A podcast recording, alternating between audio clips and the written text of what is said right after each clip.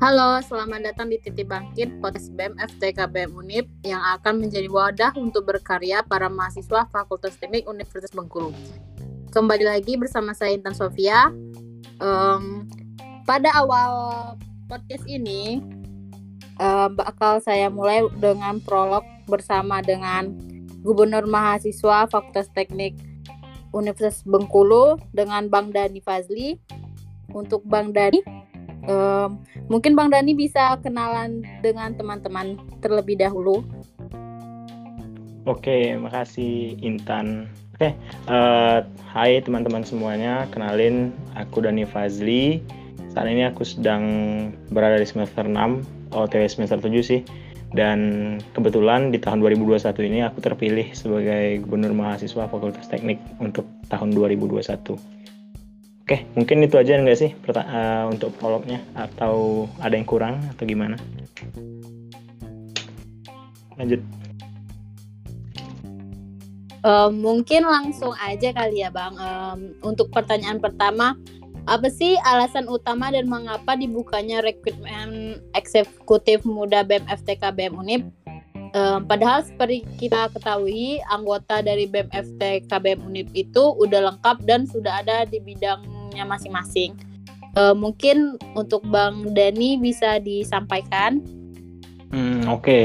eh, untuk kenapa sih harus dibuka oprek ya? Karena uh, kini kalau aku pandangan aku pribadi sih uh, pada saat ini BEM FT nggak BEM FT aja sih sebenarnya hampir seluruh BEM dan Ormawa dan himpunan itu emang sedang gencar-gencarnya untuk survive di era normal baru ya era new normal dan yang kita ketahui juga ya uh, kenapa mesti oprek? Karena di sini poin pentingnya bahwasanya sekarang itu karakter orang-orang itu udah bergeser loh kayak gitu. Dari eh, orang-orang uh, yang berpikir atau tipe-tipe fighter itu udah bergeser ke karakteristik uh, orang-orang yang udah cenderung malas-malasan, ogah-ogahan dalam organisasi dan itu menjadi poin utama kenapa sih kita harus oprek uh, untuk yang kedua? Karena kita mau membuka le lebih luas lagi kayak gitu. Dalam artian uh, jangkauan kita saat ini emang udah luas. Kita pada saat yang pertama oprek itu kita minta delegasi setiap himpunan setiap ormawa ngirimin delegasi. Dan itu udah sesuai. Dan namun yang perlu diperhatikan lagi bahwasanya kebermanfaatan itu belum meluas kayak gitu.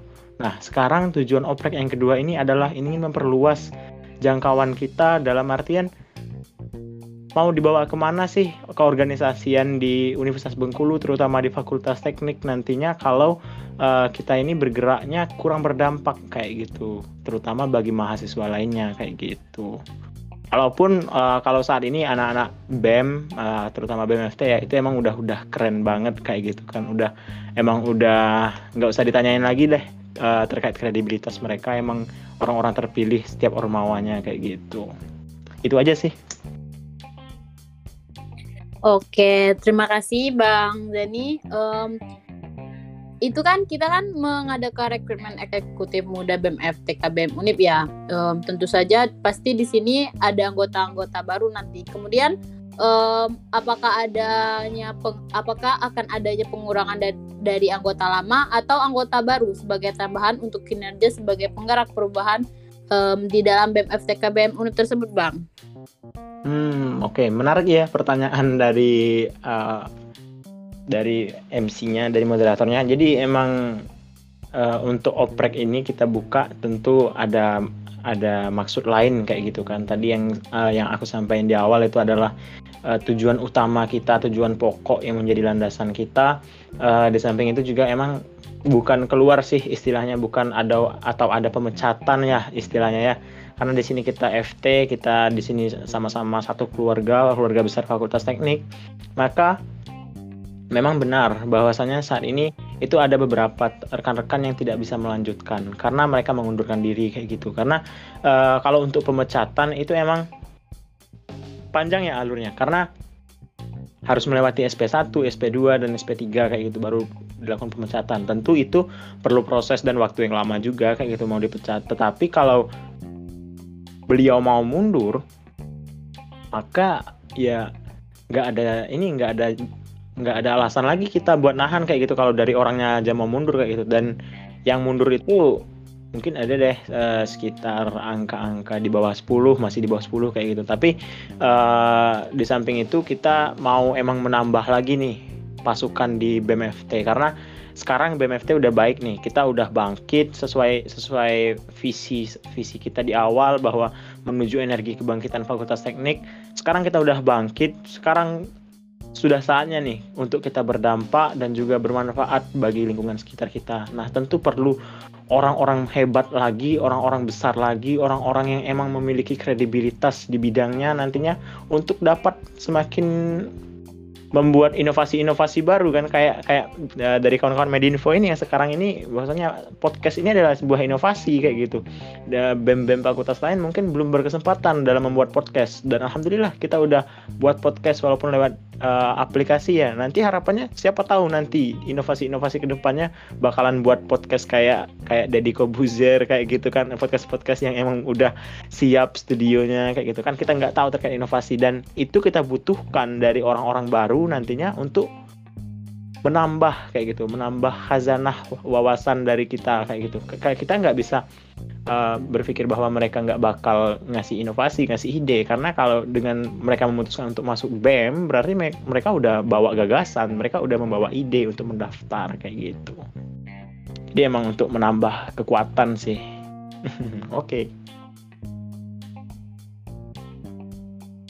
Hmm, lanjut nih bang, um, ini pertanyaan yang paling banyak nih um, yang dimasukin dalam pertanyaan-pertanyaan untuk mahasiswa-mahasiswa baru nih.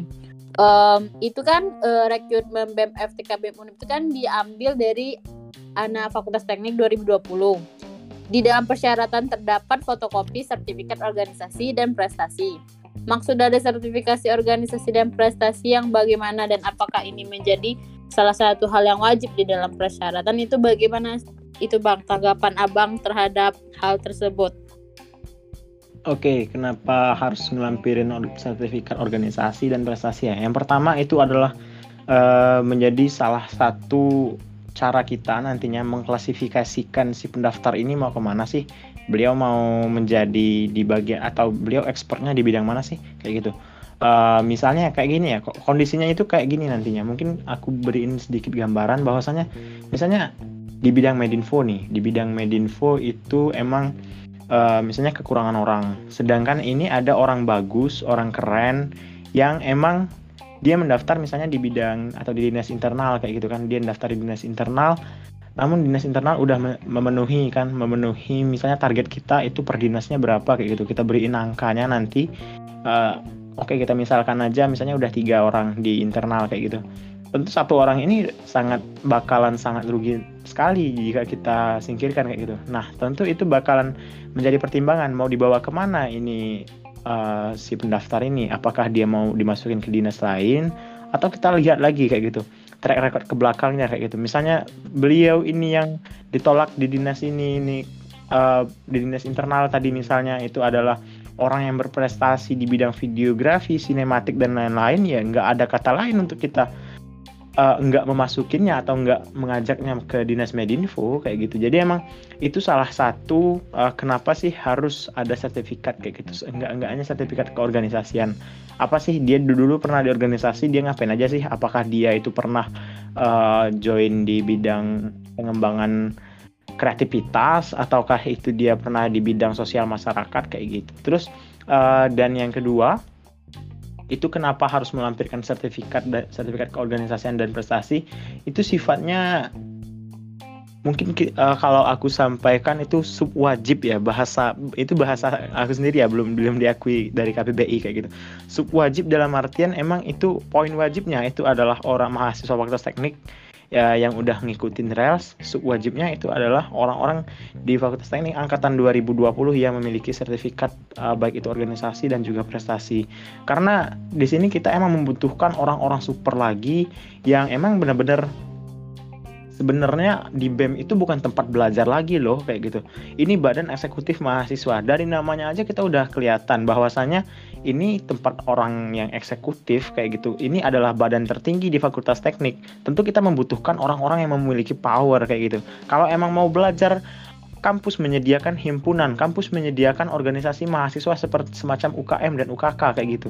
Nah, tetapi jika seseorang tersebut, individu tersebut memutuskan untuk masuk BEM, tentu beliau udah memiliki kompetensi sebelumnya kayak gitu sama seperti rekan-rekan BMFT pada saat ini yang udah memiliki kompetensi sebelumnya di bidang-bidang masing-masing. Nah, itu tujuannya untuk kita kolaborasikan atau kita integrasikan dengan kemampuan-kemampuan lain kayak gitu. Di samping emang yang namanya belajar itu kan nggak ada nggak ada ujungnya ya kan? Kata orang belajarlah dari uh, buayan hingga liang lahat. Itu membuktikan bahwasanya uh, kita belajar itu dari lahir sampai kita uh, menutup usia nantinya. Namun yang perlu digarisbawahi adalah di saat proses pembelajaran kita kita memerlukan poin yang namanya pengalaman kayak gitu. Orang-orang yang berpengalaman yang emang saling sharing pengalaman kayak gitu dan betapa indahnya nanti sebuah badan eksekutif tersebut apabila orang-orang berpengalaman ini berkumpul dan saling bertukar pikiran berkolaborasi bersinergi untuk kemajuan fakultas teknik ke depannya kayak gitu.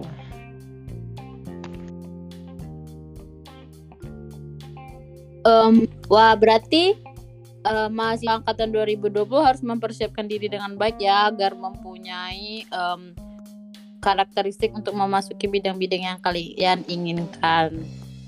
Bener banget. Oke, lanjut. Um, menurut abang nih, generasi baru BEM FTK BEM Undip itu harus bagaimana? Seperti apa dalam upaya pergerakan perubahan BEM FTK BEM Undip yang lebih baik? Oke, okay, uh, eh, terkait harus seperti apa, tentu berbicara eh, kita berbicara tentang karakter seseorang ya.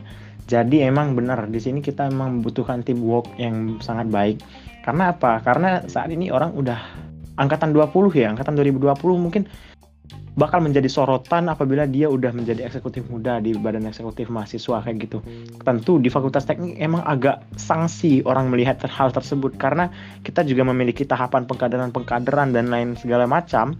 Tentu itu menjadi pertimbangan orang-orang nantinya, pandangan orang-orang terkait kenapa sih 2020 yang dimasukin kayak gitu. Nah, jadi 2020 yang dimasukin ke dalam uh, angkatan angkatan emasnya di BEM nanti ya. Istilahnya eksekutif muda itu adalah angkatan emasnya nanti. Jadi harapannya uh, untuk angkatan 2020 nanti bisa emang bener-bener menjadi agent of change-nya di keorganisasian terutama di angkatan 20 itu sendiri kayak gitu.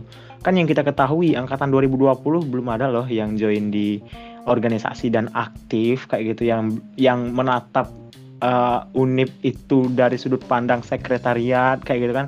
Belum pernah mampir-mampir main ke sekretariat duduk-duduk ngobrol sama uh, tetangga-tetangga di sekitar sekre dan lain-lain kan. Itu belum pernah dan belum ada feel angkatan 2020 merasakan hal tersebut. Walaupun emang ada itu hanya sebagian kecil kayak gitu. Nah jadi yang harus kita perhatikan adalah karakter-karakter yang emang jiwa-jiwa fighter yang kita butuhkan. Karena apa? Karena di sini BEM Fakultas Teknik nggak hanya sekedar menjalankan program kerja dan untuk LPJ, kita nggak itu adalah nomor terakhir uh, dari prioritas aku sebagai gubernur, baik itu wakil gubernurku dan juga rekan-rekan BEM FT lainnya kayak gitu.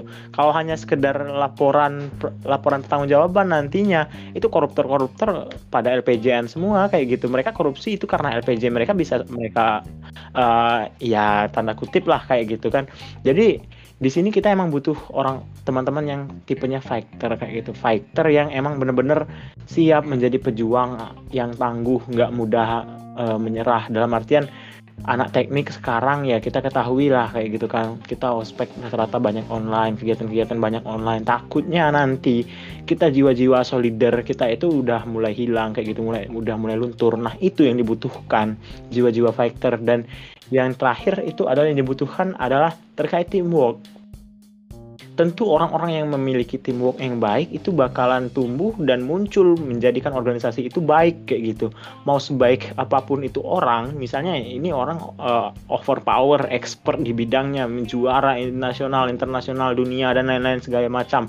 Beliau organisasinya udah sampai uh, organisasi tingkat dunia misalnya, tetapi dia tidak paham terkait teamwork. Tentu hal itu bakal menyusahkan, bakal memperlambat eskalasi pergerakan organisasi di Fakultas Teknik ini nantinya kayak gitu. Karena emang uh, walaupun nanti ya kenapa tadi yang uh, aku sampaikan bahwasanya sertifikat itu sub wajib karena kita juga bisa kita kita juga punya sub-sub lainnya kayak gitu. Yaitu dalam artian di karakteristik itu bisa kita masukkan kita golongkan menjadi bagian sub wajib dalam sebuah persyaratan. Kalau emang orang tersebut teamworknya baik ya bukan nggak mungkin dong. Walaupun misalnya dia nggak dapat prestasi nih dia nggak ada organisasi nih. Itu dan itu di, bisa dijelaskannya. Kenapa dia nggak berorganisasi? Kenapa dia nggak dapat prestasi secara relevan dan faktual? Dia jelaskan. Tentu nggak ada kata lain kalau kita uh, untuk kita nggak terima kayak gitu di badan eksekutif kayak gitu. Jadi emang orang-orang yang tipe fighter tipe teamwork dan emang uh, mungkin ada yang tambahannya itu inovatif ya jadi kita butuh orang-orang yang inovatif sekarang. Tantangan terbesar kita adalah keorganisasian mahasiswa di Fakultas Teknik. Kita nggak ada tantangan-tantangan lain yang belakangan itu mungkin kita bisa jadikan tantangan lainnya nanti. Apabila organisasi kita udah baik, sistem birokrat kita udah baik, semuanya itu bakalan menyusul menuju mendekati ke angka baik juga kayak gitu. Jadi emang benar bahwasannya yang menjadi tantangan terberat mahasiswa angkatan 2020 harus mampu menciptakan juga terutama di bidang staf sus ya nanti untuk yang mau daftar staf khusus gubernur itu uh, mungkin bakalan cerita sama aku abis-abisan gimana nih. Mau dibawa ke mana organisasi mahasiswa fakultas teknik? Sekarang ini online. Kita fakultas teknik itu adalah orang-orang yang terkenal dengan orang-orang teknis terkenal dengan orang-orang lapangan kayak gitu. Walaupun kita nggak menyampingkan yang namanya konseptual dan juga konseptor kayak gitu. Nah jadi emang butuh uh, ide-ide baru dari teman-teman angkatan 2020 kayak gitu. Dan tujuan dan harapannya nanti angkatan 2020 kan tentu memahami betul terkait angkatan mereka. Oh, ternyata begini, Pak Gub misalnya uh, kita butuh sering-sering main futsal di pantai misalnya. Itu kan juga nggak butuh izin dan lain-lain. Oke kita main futsal di pantai tiap minggu kayak gitu. Kalau emang uh, ide-ide itu ide-ide gila itu uh, muncul dari ruang-ruang diskusi itu nantinya ya kita eksekusi kayak gitu. Jadi harapannya ada orang yang inovatif yang bisa menghadirkan ide-ide gila untuk membangkitkan lagi keorganisasian mahasiswa di Fakultas Teknik Universitas Bengkulu. Itu. Wah, jawaban yang sangat menarik dan sangat um, membagi ilmu ya Bang. Um, pertanyaan terakhir nih, kalau ditanya sekarang gimana nih cara Abang sendiri sebagai Gubernur Mahasiswa BEM FTK BEM Unip untuk meningkatkan kinerja dan semangat anggota-anggotanya agar ke depannya sumber daya yang di dalam BEM FTK BEM Unip ini digunakan dengan semaksimal mungkin. Oke, kalau untuk gimana sih cara aku ya? Jadi emang bener pada saat ini di BMFT itu emang uh, kita sedang kebingungan juga nih mau bergeraknya ke arah mana kayak gitu kan karena kita juga banyak uh, kontroversi-kontroversi baik itu di lingkup universitas maupun di lingkup internal kita sendiri. Jadi emang benar bahwasannya mungkin rekan-rekan dari BMFT itu yang pertama itu aku sendiri itu adalah memperbaiki diriku sendiri kayak gitu. Aku ini sebenarnya tipe tipikal orang yang perfeksionis, uh, pemarah kayak gitu kan, orang yang ah, mungkin agak keras lah kayak gitu. Dan itu aku kurangin. Aku turunin semua semenjak aku terpilih jadi gubernur BEM di saat itu juga aku memutuskan bahwasanya ya udah deh kayaknya dunia ini nggak berputar sama aku aja deh. Jadi nggak bisa terlalu perfeksionis kayak gitu. Kita juga nggak bisa keras. Karena uh, di sini kita mau menghasilkan keluarga baru kayak gitu. Dan emang bener di saat uh, mungkin rekan-rekan BMFT itu belum pernah kayak gitu kan menemukan seorang gubernur BMFT tahun ini yang tiba-tiba marah-marah. Kayak misalnya pejabat-pejabat yang uh, pansos-pansos misalnya kan marah-marah dan segala macam itu uh, saya pastikan itu belum pernah dilihat. Dan emang benar di saat kita itu lebih easy going lah istilahnya ya lebih humble aja ke teman-teman aku mau munculin nuansa bahwasanya nggak ada sekat lagi loh kayak gitu karena mungkin sering terjadi di BEM entah itu di BEM fakultas ataupun BEM universitas mungkin sering terjadi. Bahwasanya nanti kalau teman-teman boleh mungkin teman-teman koreksi apabila uh, omonganku ini salah ya. Jadi emang uh, biasanya itu tuh gubernur mahasiswa itu adalah tingkat tertinggi dalam sebuah badan eksekutif. Dan biasanya yang ber, yang bisa bertemu atau bisa ngobrol bisa bersingkrama dengan gubernur itu adalah uh, badan pengurus harian dari uh, BEM tersebut kayak gitu. Itu biasanya uh, oh mungkin jangan gubernur deh ketua BEM ketua, ketua BEM kayak gitu kan. Karena tingkat universitas juga ini aku nggak ngomongin yang di UNIP ya kita ngomongin yang di luar kayak gitu. Nah biasanya kayak gitu. Jadi emang uh, gubernur bicaranya sama sekum sama wagub uh, udah cukup. Kadang sekali-sekali sama BPH sekali-sekali kayak gitu. Dan itu mau aku hilangin kayak gitu. Karena aku ini tipikal orang yang memimpin dengan nuansa happy kayak gitu. Nuansa ceria kayak gitu kan. Jadi emang aku mau nimbulin dulu deh. Kita kita di sini saudara loh kita keluarga kayak gitu. Kalau orang-orang di luar sana menanyain anak uh, pengurus BMFT itu berapa sih jumlah pengurus BMFT? Ya cuma satu kayak gitu, Fakultas Teknik, mahasiswa Fakultas Teknik kayak gitu. Dan kita emang satu kayak gitu kan. Jadi aku berpikiran bahwa konsep uh, aku memimpin itu emang bener-bener aku rubah kayak gitu dari awal. Emang bener-bener kita coba menjadi orang yang humble kayak gitu. Jadi emang uh, dari wakil gubernur sampai ke staff pun itu bisa aja ngobrol-ngobrol aja santai kayak gitu kalau mau ngajak ngopi ya silakan kalau mau ngajak nongkrong ya silakan kita fine fine aja nggak ada batasan seperti tembok kayak gitu yang membatasi bahwa gubernur mahasiswa itu harus kayak gini harus kayak gini harus kayak gini. Aku mau menghilangkan konteks itu dalam BMFT tahun ini karena hey kita ini di sini harus profesional kayak gitu. Jadi maka nggak bakal bisa profesional kalau kita kerja dalam tertekan kayak gitu. Nah apa sih yang aku coba lakuin juga yang hal-hal lainnya kayak gitu? Jadi di sini di BMFT aku emang bener-bener mau uh, teman-teman yang bergabung di BMFT itu terupgrade dirinya setelah mengurus di BMFT ini. Dalam artian kayak gini kemarin aku ada mungkin uh, ngontak uh, kepala dinas Medinfo juga kan. Uh, Pak Kadin kira-kira uh, dari Medinfo itu mau ikut kegiatan ini enggak kegiatan itu tuh adalah kegiatan pengembangan diri mereka yaitu pelatihan broadcasting kayak gitu. Mau ikut pelatihan enggak oke okay, nah, mereka oke okay kan tapi uh, di luar sungguh di luar di luar praduga kita semua ya di luar dugaan kita uh, hampir setengahnya hampir setengah dari kawan-kawan di Medinfo kemarin sakit dan juga ya, ada beberapa halangan juga beberapa kendala jadi dipospon atau ditunda dulu kayak gitu. Dan itu salah satu contoh kecilnya bahwa soalnya aku ini mau rekan-rekan ini terupgrade loh. Biarin dah aku gini-gini aja di di gubernur kayak gitu. Biarin dah aku kemampuan aku ya gini-gini lah mungkin udah stuck kayak gitu kemampuanku nggak bisa di-upgrade lagi kayak gitu udah versi versi terakhir lah kayak gitu kan. Tapi ya yang kita butuhkan adalah misalnya rekan-rekan membutuhkan misalnya uh, dari Medinfo lagi lah kita contohin ya kita mencontohin dari Medinfo atau dari dinas uh, Ekobis misalnya uh, Pak Gub kita butuh bimtal atau bimbingan mental kayak gitu kan. Misalnya tertekan ma ma mahasiswa sekarang itu udah tertekan dengan kuliah daring. Oke kita adakan bimbingan mental kayak gitu. Jadi emang kalau rekan-rekan ini butuh apa ya? Kalau aku bisa bantuin ya tentu aku bantuin kayak gitu. Jadi lebih ke pengembangan sih lebih ke pengembangan. Misalnya kalau mau pelatihan kepenulisan atau pelatihan uh, terkait riset kayak gitu. Kita kita coba datangkan orang-orang yang emang udah paham di bidangnya udah pakar kayak gitu kan biar, bisa berdiskusi kayak gitu secara eksklusif kayak gitu. Tergantung dinas yang meminta nantinya kayak gitu harapan aku. Jadi misalnya rekan-rekan Medinfo contohnya kemarin itu mau kemarin kan rencananya mau kerja sama sama RRI sama Suara Unip kan. Jadi emang uh, kita diskusi bareng kayak gitu. Nah diskusi bareng sama orang-orang yang udah expert misalnya uh, di broadcasting di bidang sinematografi di bidang lain-lain lah kayak gitu. Kita diskusi bareng mereka secara eksklusif hanya satu dinas itu aja kayak gitu. Karena kita emang bener-bener membutuhkan upgrade tersebut kayak gitu.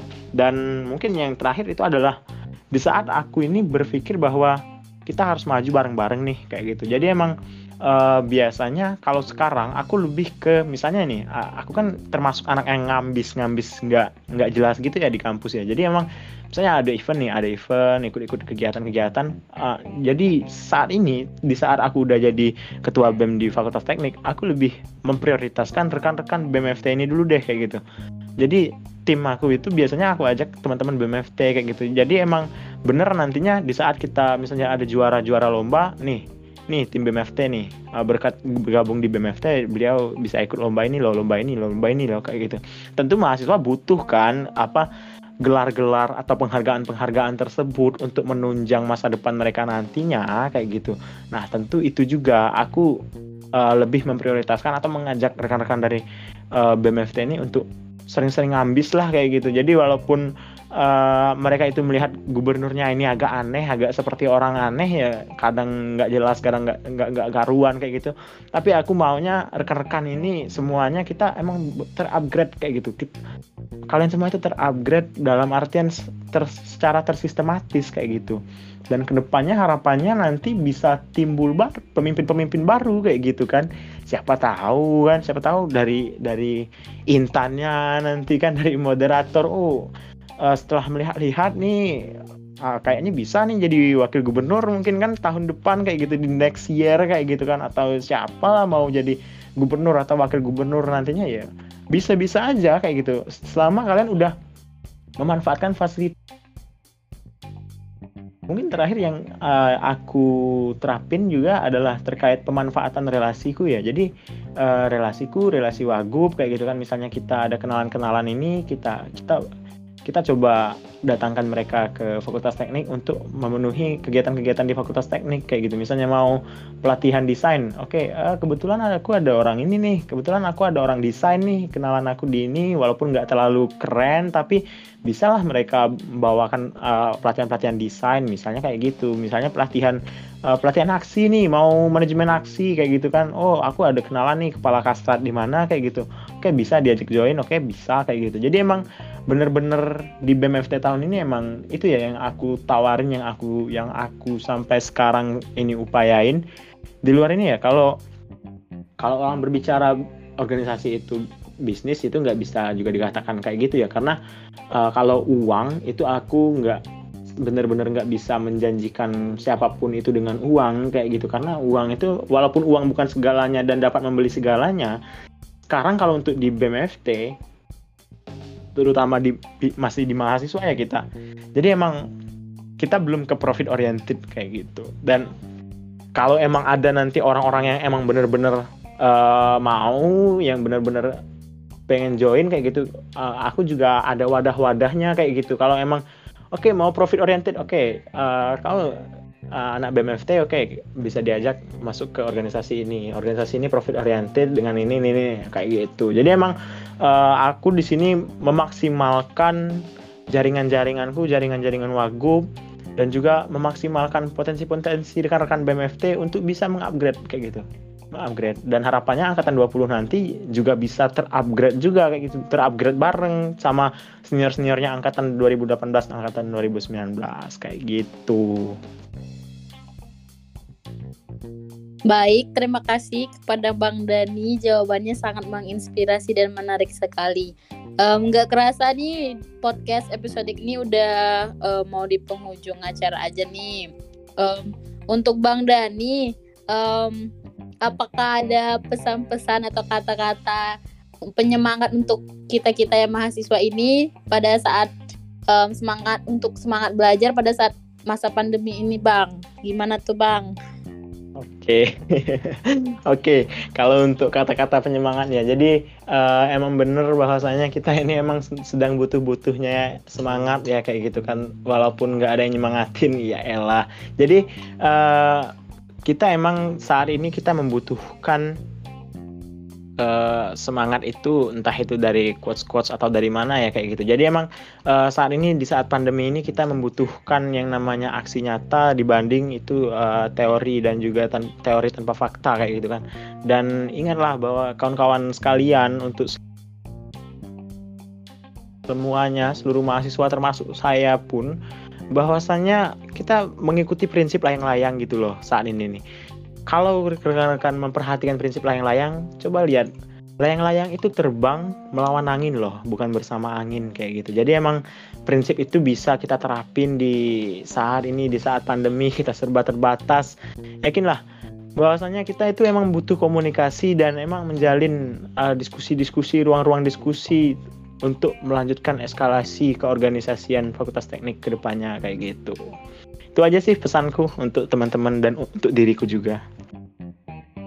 Wah, um, terima kasih nih Bang um, kepada Bang Dani selaku Gubernur Mahasiswa Fakultas Teknik um, Fakultas Teknik Universitas Bengkulu yang telah menyempatkan hadir ke, di dalam podcast episode kali ini. Oke, sama-sama. Oke Bang, terima kasih Bang.